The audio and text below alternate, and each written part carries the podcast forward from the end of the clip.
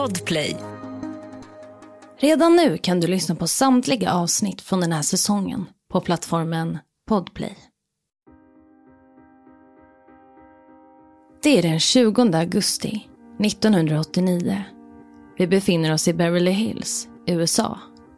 Här bor familjen Menendez som består av föräldrarna José och Kitty samt deras söner Erik och Lyle. Till synes verkar de leva den amerikanska drömmen. Men bakom den där fasaden, i det dolda, är sanningen en helt annan. Snart kommer tolv skott att avlossas inuti deras pampiga villa och pappa José och mamma Kitty avlider. Vi lyssnar till larmsamtalet som inkommer den där dagen, 20 augusti 1989. Yes, please. Uh, What's the problem? seven, uh, What's the problem? What's the problem? someone killed my parents. Pardon me? Someone killed my Det här är berättelsen om bröderna Menendez som mördade sina föräldrar. Du lyssnar på Jakten på mördaren med mig, Saga Springhorn. Dagens avsnitt är skrivet av Lisa Törnlöf. Jag vill varna för grova och ingående våldsskildringar i dagens avsnitt.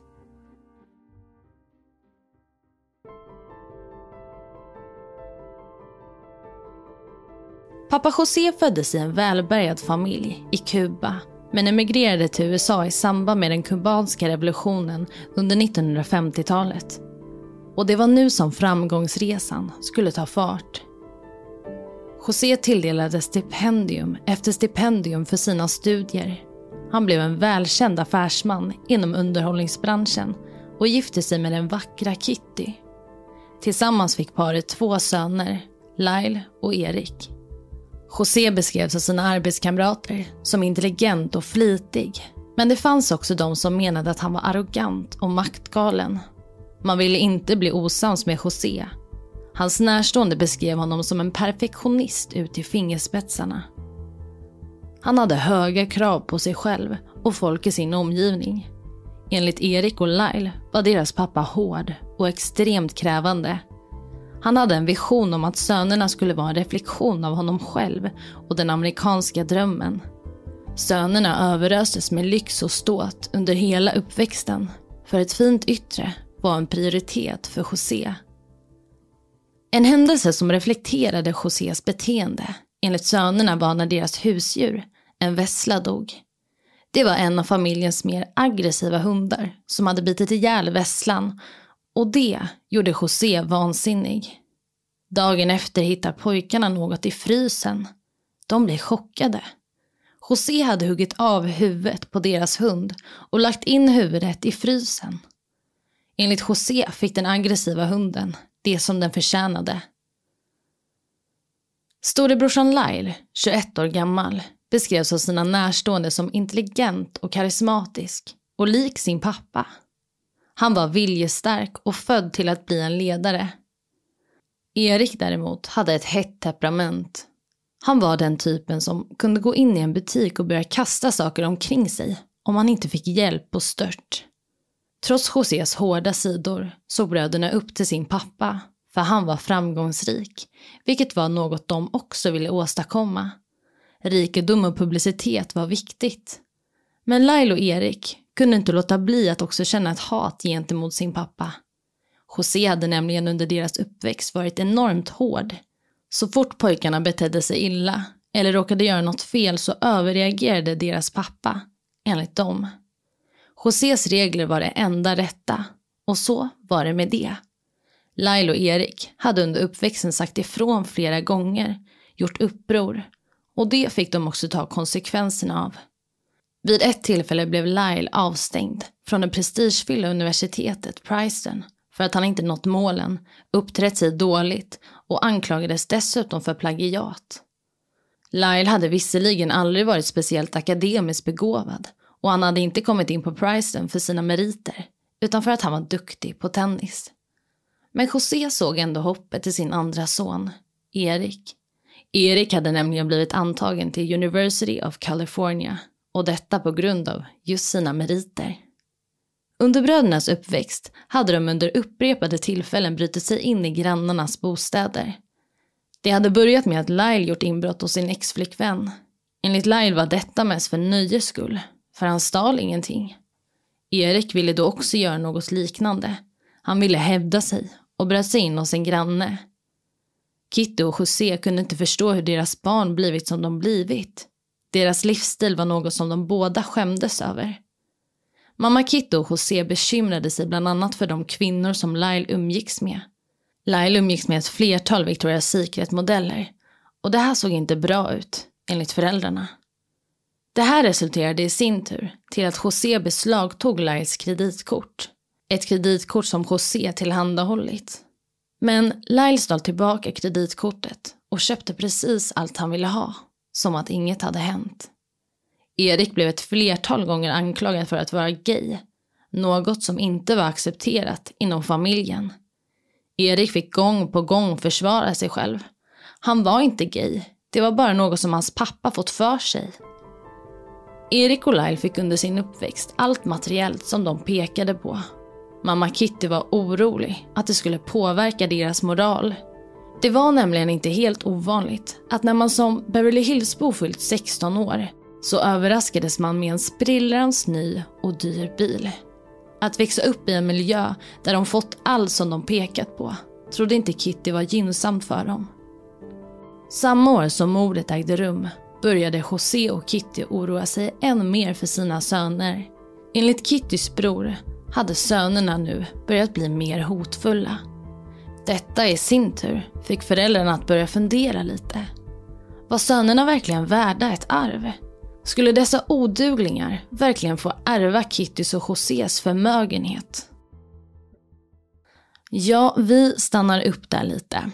Det här är ju en väldigt välbärgad familj som jag berättar om i det här avsnittet och Kitty och José förstår inte riktigt hur saker kunnat bli som det blivit. Hur kunde sönerna enligt dem bli så odugliga efter den hårda uppväxten? Ja, vi ska gå vidare och se vad som händer härnäst. Och vill du se bilder från dagens avsnitt så kan du gå in på min Instagram där jag heter Saga Springcorn och trycka på storybubblan Jakten på mördaren. Vi går vidare. Kitty står i köket. På diskbänken ligger en stor bunt papper. Det är hennes testamente som hon beställt hem för att korrigera. Hon tänker, nu är det dags för dem att lära sig lite vett. Snart ringer dörrklockan och Kitty går och öppnar. Det är hennes väninna som hon bjudit in. Tillsammans bläddrar de igenom den tjocka bunten med papper och börjar diskutera hur den slutgiltiga arvslotten kommer att se ut. Hur mycket pengar förtjänar egentligen Erik och Lyle? Plötsligt hör väninnan hur det knakar till från korridoren in till köket och hon tittar ut. Där står Lyle. Väninnan vänder sig snabbt tillbaka och berättar för Kitty att Lyle hört allt. Han har hört att både han och Erik ska bli arvslösa. Jag bryr mig inte, svarar Kitty kallt. De vet att de inte ska få ett enda öre.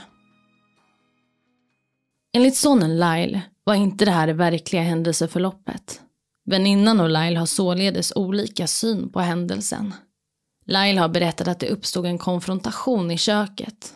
Han berättar för Kitty hur upprörande det var att lämnas arvslös. Kunde det här bli ett eventuellt motiv för mordet på Kitty och José? Pengar, arv och besvikelse? Kanske det. Det finns nämligen många bevis som pekar åt just det hållet. Ett bevis som talar för att pengar skulle vara det huvudsakliga motivet i det här fallet är att Erik är välbekant med en idé om att vissa barn dödar sina föräldrar för att få ut pengar. Erik hade nämligen ett intresse för att skriva manus av olika typer som han vanligtvis försökte sälja till olika produktionsbolag. Och ett av Eriks mest detaljerade manus handlade om en karaktär som dödade sina föräldrar för att få ut deras livförsäkring. Och det här skulle ju absolut kunna vara ett olyckligt sammanträffande. Men det som gör det hela ännu mer underligt är faktumet att han bara några dagar innan mordet korrigerade sitt manus så att det blev nästintill identiskt med mordet som han själv skulle utföra. Det är den 20 augusti Erik och Lyle har bestämt sig en gång för alla. Nu skulle deras föräldrar få sota för allt de utsatt pojkarna för. Erik och Lyle inhandlar ett hagelgevär och beger sig hemåt, till föräldrarnas bostad. När de öppnar ytterdörren kan de höra ett dovt ljud från tvn i familjerummet där José och Kitty sitter. Kitty och José kollade på James Bond efter en lång dag av aktiviteter. Det var som vilken söndag som helst. Men snart skulle allt komma att förändras. De två sönerna står nu framför sina föräldrar med ett vapen som de riktar mot José. Skott efter skott avlossades. Kitty, som hade slumrat till under filmen, vaknar och skriker. Hon försöker resa sig upp för att fly, men hon kommer inte långt. Ett skott avlossas som träffar henne i benet och hon faller till golvet. Lailo och Erik fortsätter att skjuta och snart avlider Kitty och José. Lailo och Erik hade för tiden innan planerat att ljuga för polisen. Det skulle se ut som att någon skjutit ihjäl deras föräldrar. Erik och Lailo skulle säga att de varit på bio och när de senare kommit hem så skulle de hitta sina föräldrar avlidna. Erik och Lyle bestämmer sig nu för att ringa till polisen. Och till en början så tror polisen på Erik och Lyles berättelse. Utredarna ser inte Lyle och Erik som potentiella gärningsmän. Och kanske är det också därför som de missar något väldigt viktigt. Inuti Lyles bil ligger nämligen mordvapnet. Det där hagelgeväret. Men det skulle inte ta lång tid innan misstankarna började riktas mot bröderna. Bland annat började brödernas frikostighet av arvet väcka misstankar hos utredarna. Lyle hade bland annat köpt en sprillrans ny Rolex-klocka, en Porsche, ett café och en restaurang. Erik spenderade sina pengar på en privat tenniscoach så att han senare skulle kunna delta i olika tennisturneringar runt om i världen. Totalt spenderade de en miljon dollar på ett halvår. Idag är det cirka 9 miljoner kronor. Men det här är inte ett tillräckligt starkt bevis för utredarna att gå på. Och frågan är då, vad är det som gör att polisen slutligen kommer att kunna arrestera bröderna? Jo, lillebrorsan Erik hade sedan en period tillbaka gått i terapi. Han hade känt ett förtroende för sin psykolog. Han vågade öppna upp sig. Han började berätta om mordet. Han berättade hur allt gått till och hur han och Lyle planerat att mörda sina föräldrar. När Lyle senare får reda på att Erik berättat för sin psykolog blir han vansinnig. Han söker upp psykologen och hotar honom. Psykologen får inte berätta vad han vet. Psykologen går nu till polisen och berättar om att han blivit hotad. Han berättar om mordet.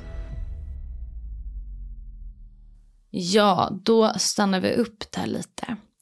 Bröderna har alltså skjutit ihjäl sina föräldrar. Men frågan är fortfarande varför. Ett motiv som vi tidigare pratat om är pengar och arv. Pojkarna var ju vana med lyx och ståt. Men kanske är det så att det finns ett annat motiv. Ett motiv som kommer att förändra hela fallet. Vi går vidare. Rättegången mot bröderna drar igång år 1993, alltså tre år efter mordet på José och Kitty. Eftersom att rättegången sänds på tv blir fallet snabbt en sensation och en stor del av befolkningen följer processerna ihärdigt. Och nu har det blivit dags för Erik och Laila att berätta sin sida av historien. Pojkarna berättar att de blivit sexuellt utnyttjade av sin pappa under hela deras uppväxt. Och så här lät det under rättegången då storebrorsan Lyle återberättade vad hans pappa hade gjort mot honom som barn. Um, just started with uh, after sports practices, he would massage me, and uh, it, we would have these talks, and he would show me, and he would uh, fondle me, and he would ask me to do the same with him, and I would I would touch him, and we would undress. Um, Where would this take place? in my bedroom. And How often would this happen?